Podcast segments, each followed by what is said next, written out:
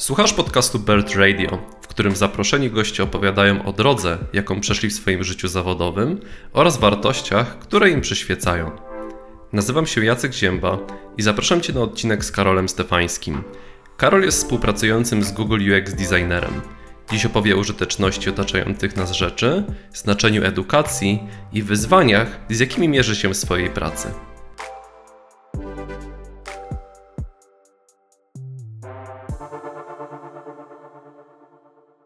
Cześć Karol, bardzo mi miło, że trafiłeś do mojego podcastu i będziemy mieli okazję porozmawiać. Warunki są ciężkie, bo jest 30 stopni na zewnątrz, więc rozpływamy się, ale witam cię serdecznie.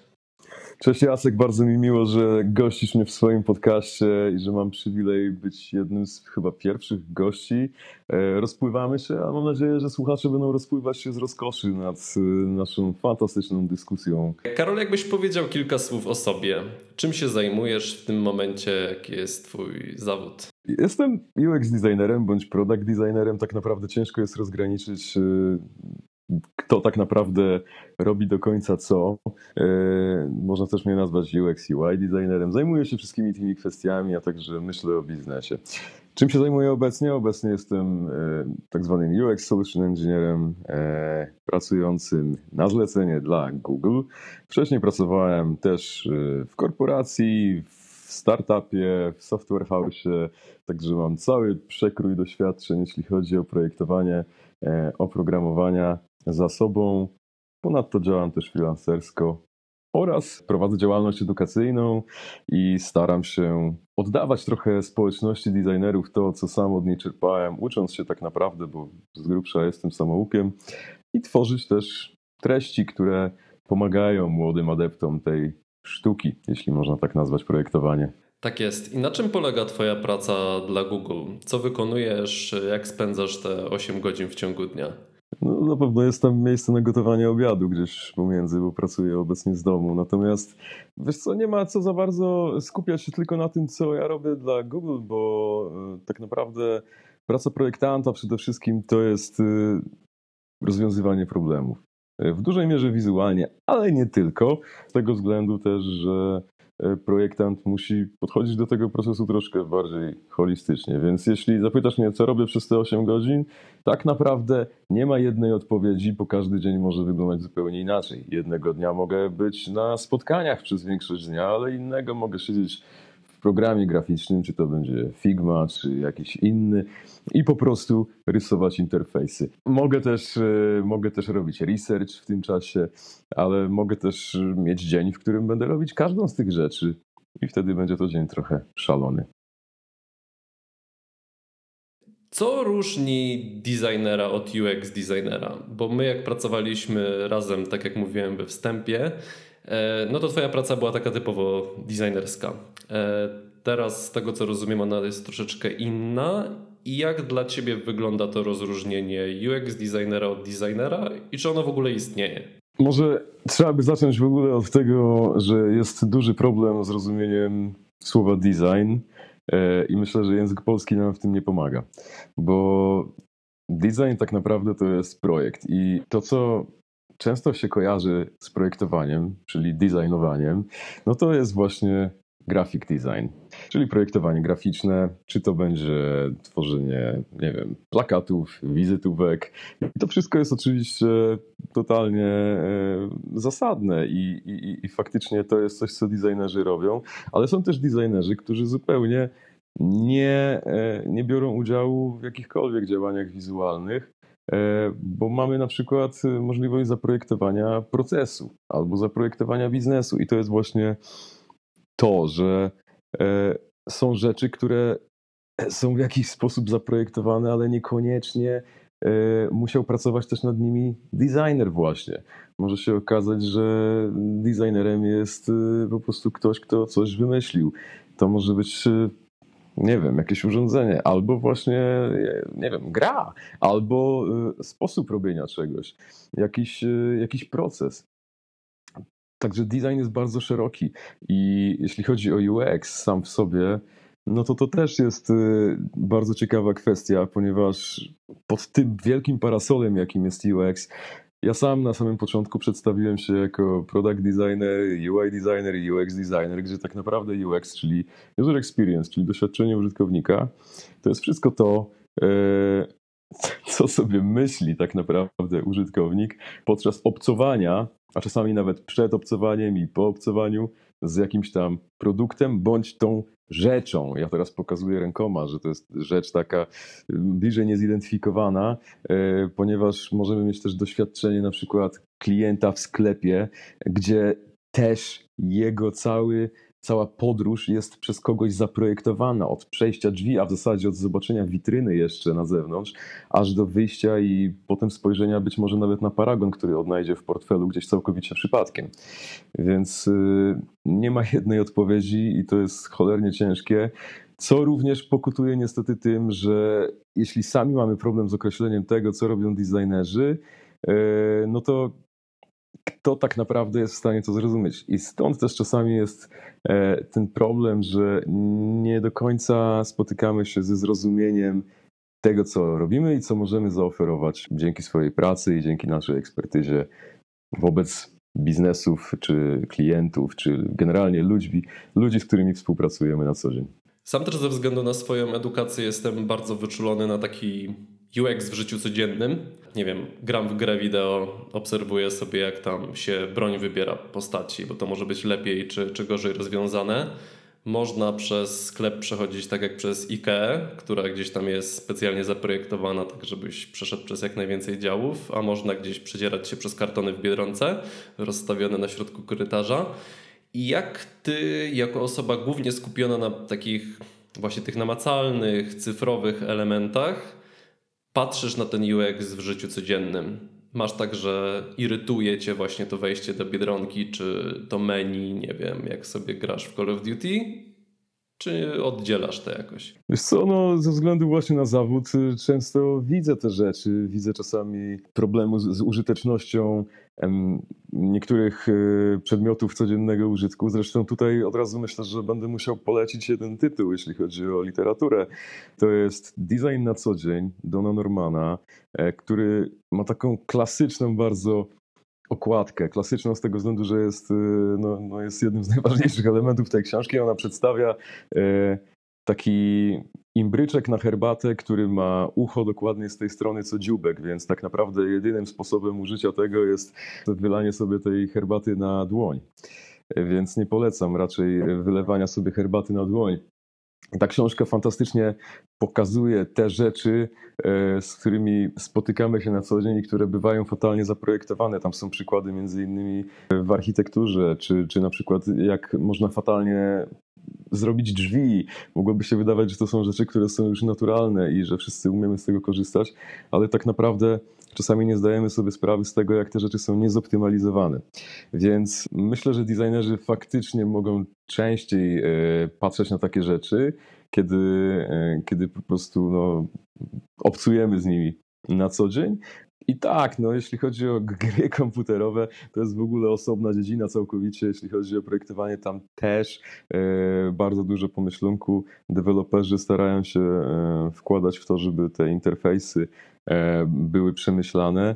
Czasami się to udaje, Czasami się to nie udaje. E, szczególnie fajnym case'em jest czasami przeniesienie schematu sterowania z komputera, który ma zupełnie inny, e, no, najczęściej klawiatura i myszka, e, zupełnie inny, to jakby metodę wprowadzania jakichś tam mm, ruchów na pada na przykład, który ma zupełnie inne przyciski, inny rozkład tych przycisków i inaczej w ogóle korzystamy z tego urządzenia, tak? A jednak ten tytuł, w który gramy, musi być, e, musi dawać bardzo zbliżone doświadczenie na każdej platformie. Także to są ciekawe kwestie. Czy mnie te rzeczy irytują? Jeśli są źle zrobione, to tak. Czy irytowałyby mnie mniej, gdybym nie był designerem? E, myślę, że nie, natomiast myślę, że tutaj też y, kwestia jest tego, na przykład jak niektóre rzeczy są po prostu krzywe w codzienności. I, i ja niestety cierpię na to, czy niestety, ja sobie bardzo to cenię, bo w pracy designera to jest bardzo istotne, żeby mieć raczej wyczulone oko na wszelkiego rodzaju nierówności, y, niedopasowanie i tak dalej. I właśnie takie rzeczy mnie bardziej irytują No i, i, po prostu jeśli widzę gdzieś nierówne linie albo kostkę, która jest na ziemi niewyrównana do, do czegoś tam, co, co, co jest obok, a powinno być i dałoby się to zrobić, gdyby ktoś to przemyślał, to szlak mnie trafia. Tak, to, to, to jest zdecydowanie jakiś tam aspekt bycia projektantem i uważam, że świadomy, świadomy projektant powinien zwracać na to uwagę i powinien mówić głośno o tych rzeczach. A jeszcze powiem o jednej rzeczy, jeśli chodzi o tę codzienność życia e, jako projektant i dostrzegania e, tych aspektów, to jest, e, to jest aspekt dostępności. Dla tych, co nie wiedzą, dostępność przede wszystkim chodzi w tym o to, żeby te rzeczy, czy doświadczenia, czy, czy przedmioty, czy procesy były po prostu dostępne jak największej ilości osób. Czy to będą osoby w pełni sprawne, czy osoby z niepełnosprawnościami, czy osoby w jakiś sposób pokrzywdzone przez los, jeśli mam nadzieję, że nie, nie powiedziałem tego w zły sposób. W każdym razie chodzi o to, żeby te, te rzeczy były w przemyślany sposób zaprojektowane, tak żeby osoby, które mogą mieć potencjalnie z nimi jakiś problem, to żeby ich nie miały. I tutaj jest na przykład case z paczkomatu, mm, który zdarzało się, że był bardzo problematyczny w obsłudze dla osób na wózku inwalidzkim. Ja jako osoba y, bez żadnych niepełnosprawności, tak przynajmniej mi się wydaje, teoretycznie mógłbym nie dostrzegać tych spraw, bo mnie nie dotykają osobiście, ale myślę, że bardzo istotne jest to, żeby społeczeństwo było coraz bardziej wyczulone na tym punkcie i żebyśmy wszyscy zwracali bardziej uwagę, ponieważ ludzie z niepełnosprawnościami są wśród nas, są ludźmi takimi samymi jak my, którzy chcą korzystać ze wszystkich dobrodziejstw świata. I powinniśmy wszyscy razem dążyć do tego, żeby, żeby te bariery po prostu redukować, a ostatecznie, żeby doprowadzić do tego, żeby ich nie było. Ja ze swojej strony też polecę dwie książki. Mm, pierwsza to jest Krew pod i Pixele, gdzie jest opisany case e, Diablo trójki, które zostało przenoszone z PC na konsolę. I bardzo fajnie jest właśnie opisane, z czym się zmagali też UX designerzy, czy, czy w ogóle projektanci przy, przy, przy tej grze. A drugi tytuł to jest Jak przestałem kochać design Marcina Wichy o designie w PRL-u i o tym, jak pewne decyzje różnych dygnitarzy sprawiały, że ten design był gorszy, żeby na przykład uniknąć falicznych kształtów w butelkach. Tak, drugą czytałem, pierwszej nie czytałem, ale jeśli chodzi o Diablo 3, to jest to fenomenalnie przeniesiona gra y, na konsolę. Coś, co mogłoby się wydawać jest niewykonalne. Mam wrażenie, że na konsolach w ten typowo PC-owy tytuł gra się nawet chyba lepiej. Także polecam wszystkim, mimo że gra już paroletnia, to zdecydowanie e, warta wciąż sięgnięcia po nią. A jeśli chodzi o faliczne kształty, to ja nie widzę problemu. Kształt jak kształt. Dokładnie tak. Czy da się pogodzić dobry UX z dobrym designem i z dostępnością? Czy to zawsze jest jakieś takie przeciąganie liny i szukanie kompromisu? Dobry UX to przede wszystkim jest dobra dostępność i dobry design. Jeśli możemy postarać się to jakoś poukładać, oczywiście to nie jest y, wyryte w kamieniu, ale niech będzie, że mamy projekt, w tym projekcie mamy, zawiera się doświadczenie użytkownika, w doświadczeniu użytkownika zawiera się dostępność właśnie. Chociaż tak naprawdę to wszystko można by bardziej przedstawić chyba na jakimś diagramie Wena, który się przecina między sobą i, i gdzieś tam po środku mamy tego świętego grala. Tak więc to zawsze jest e, handlowanie jakimiś kompromisami e, pomiędzy projektantem, pomiędzy resztą zespołu, jeśli mówimy o projektowaniu oczywiście oprogramowania, tak, i tworzeniu oprogramowania w ogóle, no bo to jest jednak największa część tego, co robię i, i właśnie myślę, że w dużej mierze będą też nas słuchać osoby gdzieś tam ze świata IT. Także E, tutaj nie da się zrobić projektu, który byłby idealny pod każdym z tych aspektów, ponieważ e, ty zresztą sam wiesz najlepiej, że mamy też takie aspekty jak czas, budżet, no i oczywiście mhm. scope projektu. W związku z czym czasami trzeba postawić akcenty na, na czymś, co będzie obecnie bardziej spinało się z, z jakby celami biznesowymi tego, co projektujemy. Mm, natomiast uważam, że też warto walczyć o te, o te rzeczy, które mogłyby się wydawać, że mają mniejsze znaczenie. I wiem, że dla wielu osób dostępność ma po prostu mniejsze znaczenie, ale chciałbym, żeby ten punkt widzenia się trochę zaczął zmieniać, tak po prostu globalnie i jako, jak, jako coś, co się, taki, tak, taki taka zmiana tego paradygmatu w społeczeństwie, żeby to jednak nie było coś, co się dorabia na końcu, tylko żeby było to coś, o czym się myśli od samego początku. My też jako Polacy mamy troszkę gorzej pod tym względem. Chodzi na przykład o dostępność treści dla osób e, słabo bądź e, słabo słyszących bądź niesłyszących wcale i tutaj chodzi o napisy. Ja mam kanał na YouTubie i e, no, mam problem z tym, żeby moje treści wszystkie były dostępne dla wszystkich, ponieważ e, nie ma czegoś takiego, e, jak co jest dostępne dla anglojęzycznych kanałów na YouTubie, to znaczy automatyczne generowanie napisów. Mhm. Z tego względu też jedyną możliwością dla mnie jest korzystanie z płatnych, z płatnych portali, które mają taką funkcję, ale i tak robią to na poziomie takim, że ja to potem muszę ręcznie poprawiać. No a jednak ci, którzy tworzą content w języku angielskim, mm, no mają, mają to trochę ułatwione. A przede wszystkim ci, którzy odbierają content w języku angielskim, mają to ułatwione, a czasami mają to w ogóle umożliwione po prostu prosto z pudełka, jakim jest YouTube. No więc y, dostępność treści też jest bardzo istotna i czy to będzie podcast, czy to będzie na przykład właśnie film, czy to będzie cokolwiek innego, e, no, no odbieramy to przy pomocy jakichś zmysłów i nie wszyscy mają te zmysły tak samo dostępne e, jak, e, jak każdy z nas, czy osoba, która tworzy te treści. Nie? Więc to są takie rzeczy, o których warto pamiętać i starać się oczywiście, ale no wiadomo, no trzeba też mierzyć siły na zamiary. Jeśli jesteś y, jednoosobową armią, która zajmuje się robieniem całości jakiegoś projektu we własnym zakresie, no to tak, no to, to chyba y, warto dążyć do tego, żeby było to jak najbardziej dostępne, ale no, trzeba sobie powiedzieć wprost, nie zawsze jest to możliwe, a przynajmniej nie od razu. Tak, dodajmy też, że YouTube utrudnił w ogóle tę sprawę, bo kiedyś mogła społeczność dodawać napisy do, do filmów, ale ponieważ społeczność zaczęła używać słowa Hitler nagminnie i różnych takich kwiatków w napisach, a jak ktoś tworzy content, nie wiem, po angielsku i ktoś dodaje napisy po czesku, no to niekoniecznie on rozpozna, czy tam są jakieś dyrdy małe. Więc YouTube zablokował tę możliwość dla społeczności, teraz tylko twórcy kanałów mogą, mogą dodawać napisy. Hitler po czesku chyba jest tak samo. Hitler pewnie tak, ale różne inne rzeczy niekoniecznie.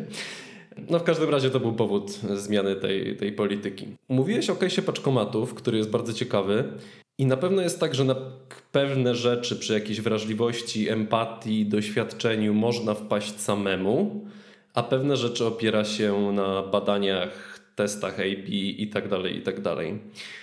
I chciałem Cię zapytać, jakie Ty wykorzystujesz, czy w ogóle jakie polecasz wykorzystanie testów, badań, UX researchów y, do projektowania i czy wszystko w ogóle można oprzeć na badaniach? Są takie, są osoby z, z, bardzo twardymi głowami, którzy twierdzą, że w ogóle nie da się projektować bez y, odpowiedniego researchu i bez odpowiednich badań. A z drugiej strony jest, byłem świadkiem powstawania produktów, które w ogóle nie korzystały z jakichkolwiek badań, y, no może jedynie pomijając jakąś analizę konkurencji i tak naprawdę szukania rozwiązań wśród dobrych praktyk, które są gdzieś tam powielane ze względu na to, że no, obcujemy z produktami na co dzień i wiemy, co się sprawdza, a co się nie sprawdza, i też jako projektanci mniej więcej mamy wyczucie i przeczucie, które jest w stanie nam powiedzieć, czy coś będzie rozwiązaniem dobrym, a czy coś będzie rozwiązaniem no, na pewno obiektywnie niedobrym. E, czy to się sprawdza? Różnie. Problem jest jak zawsze z budżetem, jeśli chodzi o badanie, no bo ponieważ zajmują one czas, czasami może się okazać, że będziemy badać rzecz, która po prostu no, da nam jasną informację. To rozwiązanie, które przyszykowaliśmy, się nie sprawdza. I to jest informacja, której nikt nie chce usłyszeć. W sensie projektant pewnie chcie, chciałby ją usłyszeć, bo wiedziałby, że nie będzie wdrażane rozwiązanie, które nie ma racji bytu, bo nie ma sensu.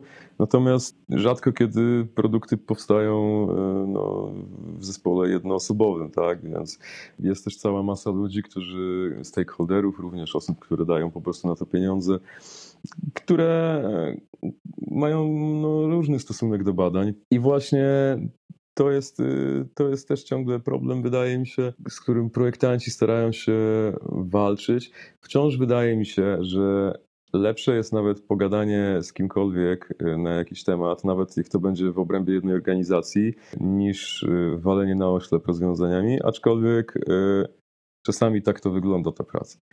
I teraz o co chodzi, żeby porozmawiać z, kim, z kimkolwiek? No, wyobraź sobie sytuację, że robisz jakiś kawałek interfejsu, tak, jakieś rozwiązanie powiedzmy w aplikacji webowej e, i to niekoniecznie musi być stricte związane z tym, co ta aplikacja ma robić.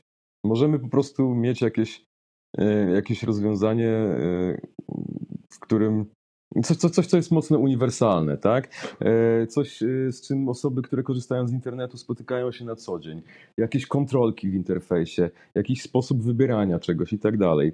Więc tutaj nie będziemy badać tak naprawdę sprawności rozwiązywania problemów biznesowych, ale będziemy badać jakąś sprawność tego interfejsu. Więc możemy takie badanie przeprowadzić na własną rękę, tak naprawdę idąc do naszych kolegów i koleżanek z pracy, jeśli pracujemy w jakiejś firmie idąc to oczywiście teraz w obecnych czasach dużo powiedziane, raczej umówimy się z nimi na, na kola, gdzie udostępnimy ekran i po prostu pokażemy im to, poprosimy im, jeśli mamy prototyp, e, żeby zrobili to, co, no to, co, to, co jest celem tego projektu tak naprawdę. Wtedy jesteśmy w stanie zobaczyć, czy występuje jakiś problem, czy nie występuje jakiś problem. Ja jestem bardzo dużym fanem takich testów, mm, więc możemy przynajmniej na własną rękę sprawdzić, czy robimy totalną głupotę, czy nie. Mi się parę razy udało uniknąć e, totalnej wtopy e, z jakimś rozwiązaniem dzięki temu właśnie. No i, e, i zachęcam projektantów do tego, żeby w ogóle konfrontowali gdzieś tam swoje rozwiązania. Niekoniecznie, czasami może z projektantami innymi, bo projektanci też mam wrażenie czasami inaczej podchodzą do, do, do interfejsów i, i w ogóle interakcji i projektowania.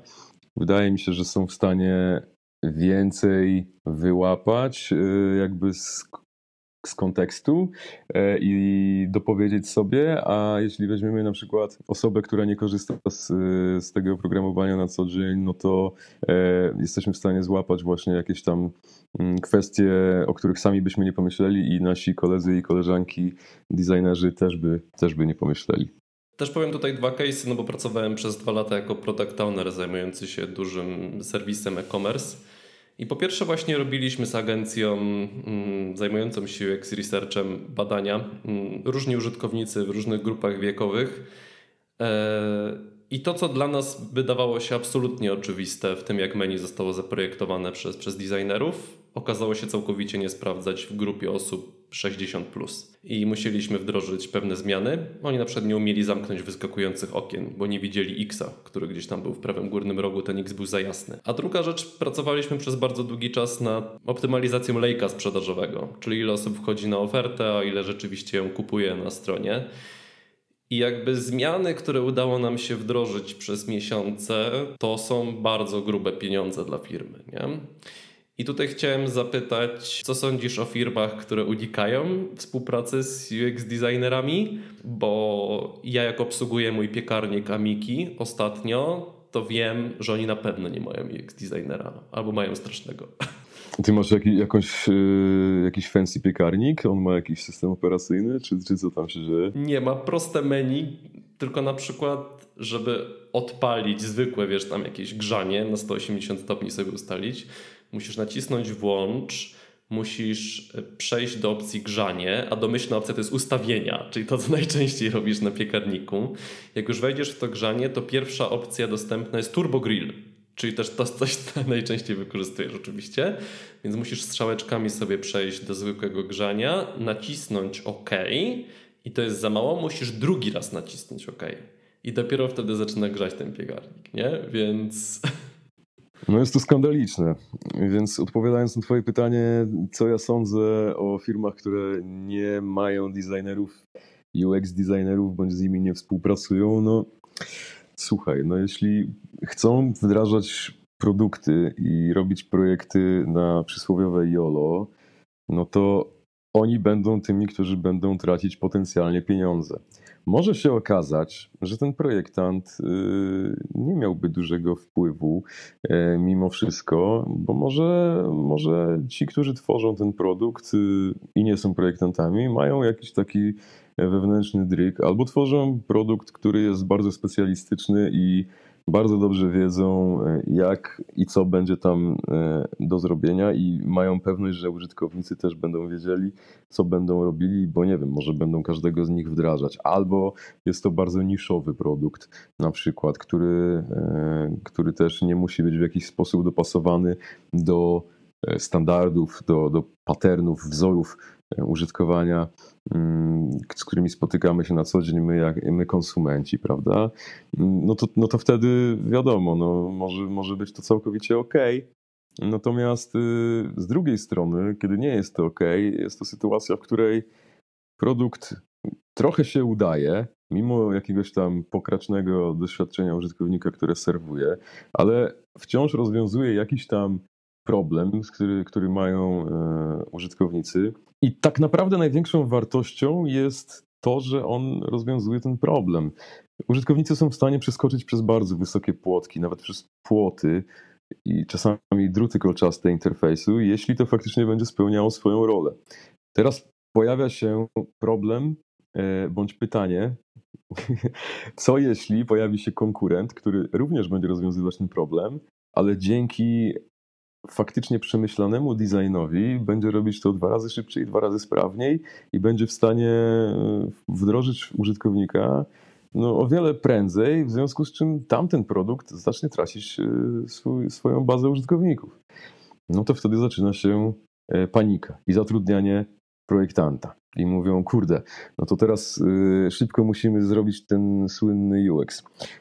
No, fajnie, lepiej późno niż wcale. Problem polega na tym, że takie podejście czasami się nie sprawdza. Znaczy, może się nie sprawdzić z tego względu, że często mamy już dług designowy. Dług może być nie tylko technologiczny, a często one się ze sobą łączą. łączą w związku z czym e, trzeba naprawdę rozebrać cały ten produkt na części pierwsze do, do ostatniej śrubki, po to, żeby dojrzeć wszelkie niespójności, zobaczyć wszystkie problemy, jeśli chodzi o interakcję, zobaczyć, co tak naprawdę jest nie tak, a potem zacząć to skręcać. I to będzie zajmowało dużo więcej czasu, niż gdyby był tam projektant od samego początku. No myślę, że w historii mamy mnóstwo przykładów firm, które przez zły UX zostały wyparte przez konkurencję tworzysz projekty dla Google. Google nie było pierwszą wyszukiwarką, ale było pierwszą wyszukiwarką, która zaoferowała dobre doświadczenie użytkownika. I to pozwoliło wyprzeć inne e, z rynku. A będąc tutaj w tym temacie, co Twoim zdaniem e, odróżnia dobrego UX-owca od złego? Wiesz co, zły UX-owiec, y, pytanie, czy w ogóle zły UX-owiec jest UX-owcem.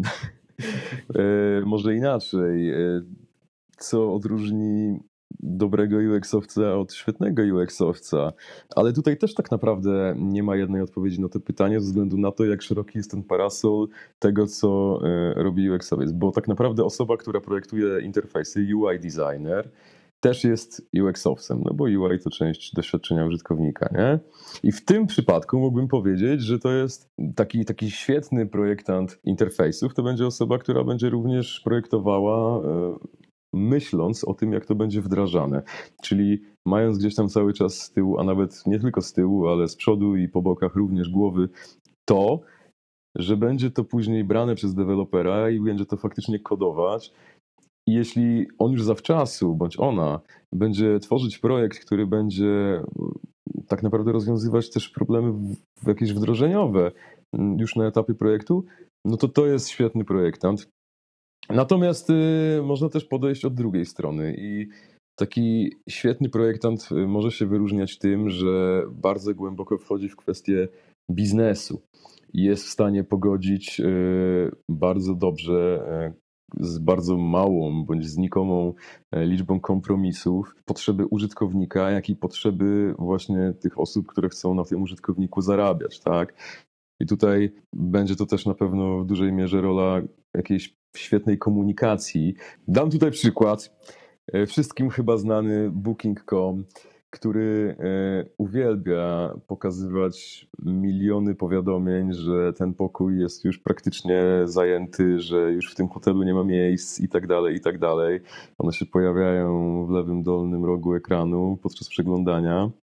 Wywołało, wywołało to falę oburzenia, ponieważ Booking był oskarżany o korzystanie z tak zwanych dark patternów, czyli myków designerskich, które mają e, wprowadzić użytkownika w nie najlepszy stan, powiedzmy, ale bardziej zmotywować go do tego podjęcia decyzji zakupowej najczęściej, bądź zrobienia tej akcji, do której chcielibyśmy, żeby E, żeby jego używanie produktu doprowadziło ostatecznie. Takim przykładem dark patternów no to właśnie są, jest takie e, wprowadzanie poczucia wprowadzanie takiego poczucia, że zaraz produkt się skończy, że, że czegoś nie będzie. To tak samo sklepy internetowe wrzucają jakieś takie liczniki, że w tej cenie to za 60 sekund już nie będzie i się ta cena zmieni na wyższą. E, no też nie wszystko można nazywać y, dark patternami. Niektóre gdzieś tam na tej e, granicy szarości mocno balansują. No w każdym razie można powiedzieć, że są to mniej lub bardziej niecne praktyki. I często się zdarza, może często trochę przesadzam, ale zdarza się, że właśnie osoby odpowiedzialne za biznes, ci słynni stakeholderzy, którzy dają nam chleb e, i oczekują od nas efektów, e, sugerują takie rozwiązania po to, żeby zwiększyć konwersję na przykład nie? na stronie. I Pytanie, jak bardzo będziemy się kierować naszym kompasem etycznym w tym przypadku? Czy powiemy, OK, spoko, zrobię ci widok z powiadomieniami, które mówią ci, że nie ma już zaraz y, żadnego dostępnego pokoju, jeśli się nie zdecydujesz w 3 sekundy. I, I, tego typu manewry będą się tam działy. No albo powiemy, słuchajcie, no są inne metody na to, żeby w szczery i otwarty sposób doprowadzić do tego, żeby ten użytkownik jednak kliknął zarezerwuj. Ja od razu tutaj dodam jeszcze, może nie sprostowanie, ale chcę tylko powiedzieć, że czytałem później, że Booking poprzez to, że, że trochę ta dyskusja zaczęła się zaogniać w internecie na temat tego, jakie, jakie praktyki stosuje Booking, no to zostało powiedziane jasno przez nich, że żadna z tych informacji, które się pojawiają na tych powiadomieniach, nie jest nieprawdziwa. To, to zawsze, jeśli pokazuje się powiadomienie, że został już tylko jeden pokój z jednym łóżkiem, to to jest prawda. Ja oczywiście tego nie weryfikuję, ale wierzę na słowo. Natomiast wciąż jest to praktyka, która no, wprowadza niepotrzebny stres gdzieś tam, nie? Mhm. I raczej starałbym się unikać e, robienia takich rzeczy. Ale z drugiej strony, niestety trzeba powiedzieć sobie jasno, one są mega skuteczne i generują pieniądze. No i właśnie taki świetny designer gdzieś będzie w stanie lawirować i balansować pomiędzy robieniem pieniędzy a dobrostanem użytkownika. A ty jakimi wartościami się kierujesz w swojej pracy? Staram się, staram się kierować e, jakąś taką, no nie wiem, wewnętrzną moralnością, która cały czas ewoluuje i chciałbym, żeby rzeczy, nad którymi pracuję, były jak najbardziej dostępne, żeby, żeby po prostu nie, nie sprawiały, że ktokolwiek będzie się czuł gorzej korzystając z tego. I też staram się no po prostu nie, nie sypać bullshitem, krótko mówiąc, względem nikogo, czy to będzie mój klient, czy to będzie mój użytkownik. Mm, i bardzo, bardzo sobie cenię taką otwartość komunikacji. Chciałbym przy tej okazji polecić książkę. Książka nosi tytuł Technically Wrong, e, napisana przez panią Sarę jej nazwiska chyba nie potrafię przeczytać, ale e, Sara Watchterbecher, jakoś tak każdym razie mm, książka przede wszystkim mówi o seksistowskich aplikacjach i e, algorytmach, które zostały e, napisane w taki sposób, że są swoim działaniem mocno krzywdzące dla niektórych osób. E, oczywiście nie zostały one zrobione specjalnie w ten sposób, natomiast efekt jest jaki jest. No i to wszystko powoduje, że technologia, z której korzystamy, potrafi być toksyczna to jest książka z 2017 roku. Myślę, że się nie zdeaktualizowała. Tam bardzo fajne anegdoty właśnie się pojawiają w tym kontekście. E, myślę, że jest to książka, którą warto przeczytać, nawet jeśli się nie jest projektantem. E, autorka też chyba projektantką zresztą nie jest, jeśli dobrze pamiętam, więc to jest coś, co potrafi otworzyć oczy. Także czytajcie. Jak, Karol, wygląda Twoja ścieżka kariery? Bo wiem, że skończyłeś studia związane z projektowaniem graficznym. I czy to dla UX designera jest obowiązkowe i jak w ogóle zostać UX designerem w 2021 roku? To jest y, pytanie na cały długi odcinek podcastu od początku do końca. Prawdopodobnie byśmy tego tematu nie wyczerpali. Ja tylko powiem tak, e, ja faktycznie mam studia podyplomowe z grafiki projektowej, z tego też względu, że w ogóle mój, moja przygoda z projektowaniem gdzieś tam się zaczynała od projektowania graficznego. I czy to jest potrzebne? Przede wszystkim, czy studia są potrzebne? E, uważam, że nie, nie są. E, jest cała masa fantastycznych samouków e, bez papierka, którzy robią fenomenalną robotę. Równie wiele jest osób, którzy, które skończyły jakieś studia czy to graficzne, czy UX-owe obecnie, takie są też dostępne. Ja mam tylko podyplomówkę. Wcześniej się zajmowałem reklamą i promocją. Więc gdzieś tam te studia, powiedzmy, można powiedzieć, były w jakiś sposób powiązane również e, z tymi takimi tematami około UX-owymi, bo mieliśmy dużo tematów o ludziach, a UX to często właśnie ludzie. Mm, ale jeśli chodzi o samą grafikę, to tak naprawdę UX oferuje mm, bardzo wiele pola do popisu, które również grafiką się nie zajmują. Natomiast jeśli ktoś faktycznie chce e, projektować interfejsy, to uważam, że powinien znać e, jakiś, w jakimś tam stopniu e, no, tematy związane z projektowaniem graficznym. Tutaj trzeba powiedzieć bardzo konkretnie, że graficznym. Tutaj takie tematy jak typografia przede wszystkim to jest chyba najważniejsze. No i kompozycja layouty i tak dalej, i tak dalej. Jeśli chce się zajmować projektowaniem e, interfejsów, e, natomiast e, projektowanie, tak jak wspominałem wcześniej, potrafi w ogóle tak daleko odbiec od grafiki, od tego, co widzimy. Zresztą projektanci, UX-owcy też zajmują się choćby interfejsami głosowymi. Tam nie ma żadnej warstwy wizualnej, nie potrzebujesz, nie potrzebujesz projektować nic wiesz, stawiać kolejnych kwadratów, prostokątów wypełnionych tekstem, ale wciąż jest to projektowanie. Dlatego tak ciężko jest czasami właśnie, tak jak powiedziałem na początku, określić, czym jest de facto design. Nie? Więc jak zostać projektantem? Nie ma jednej drogi, bo projektowanie jest y, bardzo szerokie. Jeśli chcesz, y, możesz zajmować się projektowaniem w kontekście usprawniania na przykład właśnie konwersji w sklepie internetowym. Możesz być specjalistą bądź specjalistką od badania zachowań użytkowników i będziesz wtedy ogarniać analyticsy na przykład. I teraz jak możesz zostać e, takim specjalistą? No możesz zacząć robić kursy wszelkiego rodzaju związane z analityką ruchów sieci, Google Analytics, narzędzia takie jak Hotjar, Full Story i tak dalej.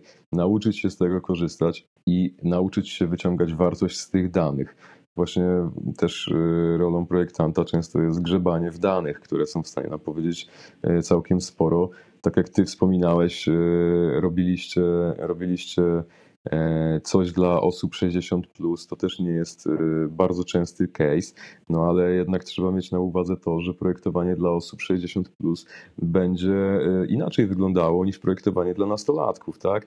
Więc trzeba sobie zdawać sprawę z pewnych na przykład ograniczeń już fizycznych osób, które są coraz starsze. Ja też się robię coraz starszy, ty zresztą też, bo tak działa życie ogólnie, że się robimy coraz starsi.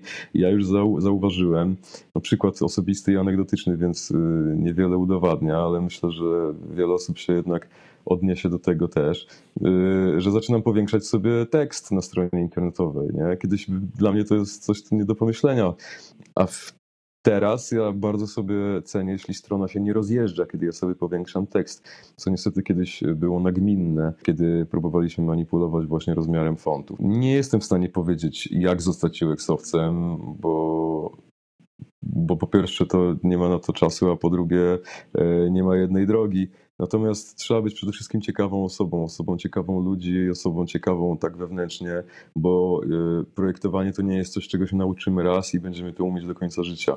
Osoba, która się zajmowała projektowaniem 5 lat temu, załóżmy, że pojedzie sobie na pięcioletnie wakacje, nie wiem, będzie budować studnie w Afryce, wróci. Ok, jakby podstawy rozwiązywania problemów będą cały czas takie same, czyli będziemy go definiować, będziemy później e, powiedzmy w modelu Double Diamond na początku zbierać informacje, potem szukać rozwiązań i potem w tych rozwiązaniach e, starać się skupić na tych najbardziej efektywnych i w końcu zbudować to rozwiązanie w oparciu o, o cały ten proces.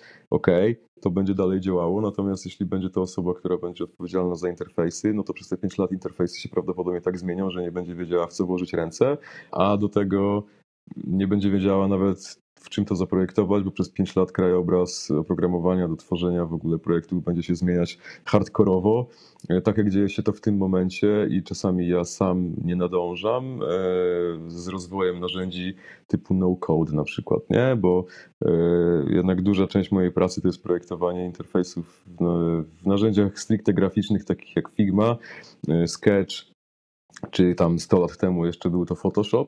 E, ludzie już tego nie robią ogólnie, ale teraz y, coraz częściej spotykamy się właśnie z, z projektami, które są gdzieś tam budowane od razu w narzędziach no czy low code, które pozwalają już e, od razu gdzieś tam stawiać aplikacje, e, a nie tylko projekt tej aplikacji gdzieś, nie? I właśnie ta bariera wejścia teoretycznie się obniża do tworzenia produktów, ale jednocześnie e, te produkty, które służą do tworzenia produktów, stają się też dosyć skomplikowane, w związku z czym bariera wejścia poniekąd może rośnie. Także tutaj jest naprawdę, to są ruchome piaski i nie da się nauczyć projektantstwa które będziemy mogli wykorzystywać przez całe swoje życie. Dobrym źródłem wiedzy jest też Twój kanał na YouTubie, podlinkujemy w opisie. E, I mówiłeś trochę na początku, jakby dlaczego dzielisz się wiedzą, i na pewno Twoi subskrybenci czerpią z tej wiedzy, ale czy czujesz, że to coś daje też Tobie? Jako UX-owiec, że się rozwijasz tworząc content na YouTube? Bardzo, bardzo mi to pomaga również i czerpię z tego wiele wartość, ponieważ e, no, każdy tak naprawdę odcinek, który gdzieś tam robię, to jest poprzedzony e, researchem. Więc ja też pisząc scenariusze, a tak naprawdę scenariuszem jest jakiś artykuł, e, który równie dobrze mógłbym i w przyszłości opublikuję, e, żeby można było sobie to po prostu przeczytać zamiast oglądać na YouTubie, no to to pozwala mi poukładać swoją wiedzę i często dowiaduję się też nowych rzeczy. E, wiesz, wędruję od jednego artykułu, źródła do drugiego e, i, i spędza mi to sens powiek czasami, natomiast y, uczę się przy tym bardzo dużo i wiesz, dzielenie się tym sprawia, sprawia też dużo przyjemności. Wydaje mi się, że dzięki temu osoby, które są zainteresowane projektowaniem, dostają taką bardzo wstępną pigułę wiedzy i przynajmniej wiedzą, co mogą dalej zrobić, żeby gdzieś tam ją poszerzać y, w tych aspektach, które poruszam. Nie? Więc tak, pomaga zarówno innym, jak i mi. I mam ostatnie pytanie na koniec. Załóżmy, że mamy 15-latka, który chciałby w przyszłości mieć coś wspólnego z UX designem. Jeszcze nie wie do końca, w którą stronę chciałby iść, ale coś by chciał zrobić, żeby się rozwijać w tym kierunku. I jaką ty byś mu dał radę, tak w kilku zdaniach? No, żeby tego nie robił, bo to straszny zawód jest i jest to, zostanie zawodem dla rodziców co najwyżej. Ale jeśli już jest tak uparty, że, że ma te 15 lat i by chciał się zajmować projektowaniem, no to Cholera, to jest bardzo trudne, bardzo trudne pytanie. Niech po prostu będzie ciekawy, niech się, na, niech się zacznie uczyć, e, jak w ogóle działa internet, niech zacznie próbować robić jakieś swoje stronki, e, może zakocha się we frontendzie i zostanie kimś wartościowym, a nie projektantem, e, a może po prostu pomoże mu to bardziej zrozumieć, jak, jak są wdrażane projekty, no i niech czyta książki, niech ogląda kanały na YouTubie, E, o projektowaniu polskie i zagraniczne. Polskich nie ma wiele, dlatego polecam swój. E, zagranicznych chyba jest trochę więcej siłą rzeczy, ale żadnego nie mogę w sumie polecić, bo nawet nie mam nic raz w głowie. Mm, taka osoba przede wszystkim ma fantastyczny atut, bardzo szybko chłonie wiedzę. To, jak błyskawicznie w wieku 15 lat można załapać niektóre koncepty, to aż po prostu jeży się włos na głowie. E, no już nie jestem taki szybki, jak byłem wtedy. Niestety już e, nie kumam niektórych rzeczy tak, e, tak gwałtownie. No, może akurat jest to poniekąd plus, bo dzięki temu nie siedzę na TikToku. Po prostu nie wiem, dlaczego miałbym to robić. E, ale może jeszcze kiedyś zacznę, nie wiem.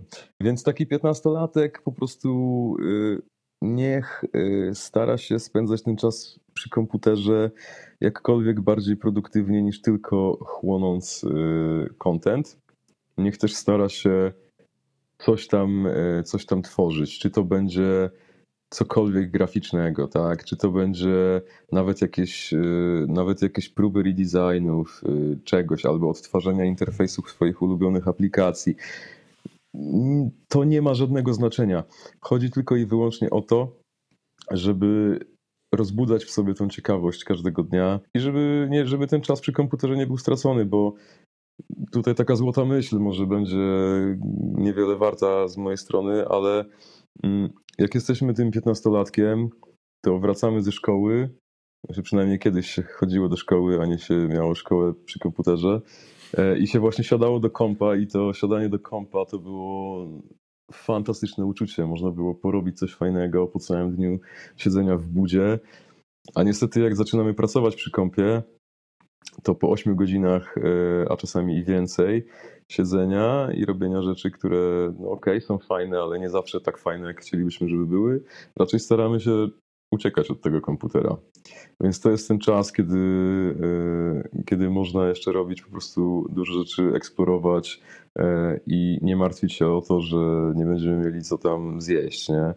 Także to jest moja rada. E, korzystajmy z tego, że chce nam się siedzieć przy kąpie, e, eksplorujmy, badajmy różne, e, różne działki, jeśli chodzi o twórcze aspekty wykorzystania komputera, czy to będzie grafika 3D, czy to będzie w ogóle grafika, czy to będzie kodowanie, czy to będzie robienie jeszcze jakichś innych rzeczy, może, może robienie gier. Też jest to super sprawa i też coraz bardziej dostępna. W ogóle teraz jest taki ogrom wiedzy w internecie. Tutoriale są dosłownie do wszystkiego.